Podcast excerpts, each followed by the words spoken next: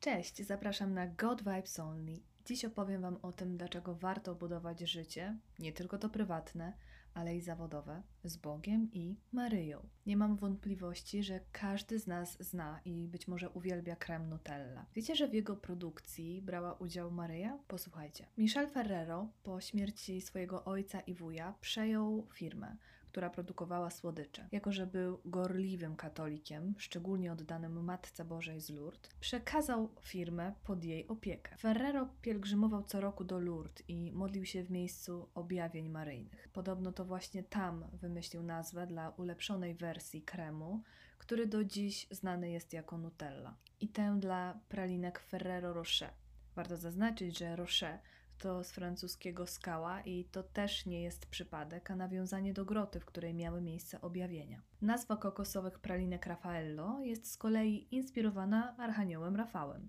Michel Ferrero na pielgrzymki, które, tak jak wspomniałam wcześniej, odbywał rok rocznie, zabierał menadżerów i pracowników. W każdej filii firmy znajduje się figurka Matki Bożej z Lourdes. Odkąd firma stała niejako przekazana Maryi, zaczęła osiągać gigantyczne sukcesy, największe od początku jej istnienia.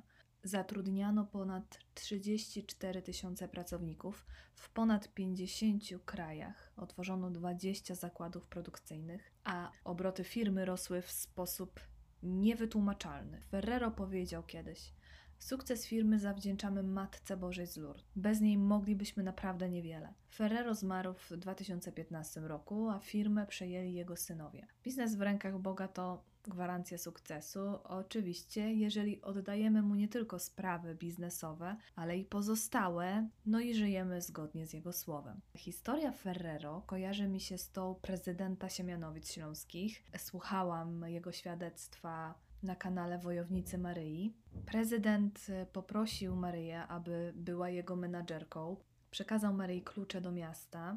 Jak wspomniał, szydzono z niego, wyśmiewano go, drwiono z tego, że wierzy. Okazało się jednak, że w sytuacjach największych problemów finansowych, z jakimi mierzyło się miasto, nagle, zupełnie znikąd, otrzymywano gigantyczne, wielomilionowe wsparcie. No, są to rzeczy niewytłumaczalne i trudne do ogarnięcia rozumem ludzkim, bo tak jak wielokrotnie już mówiłam w poprzednich e, filmach, rozum paradoksalnie ogranicza nas w bardzo, bardzo wielu kwestiach. Polecam, abyście posłuchali historii e, pana Rafała Piecha. Podrzucam link w opisie.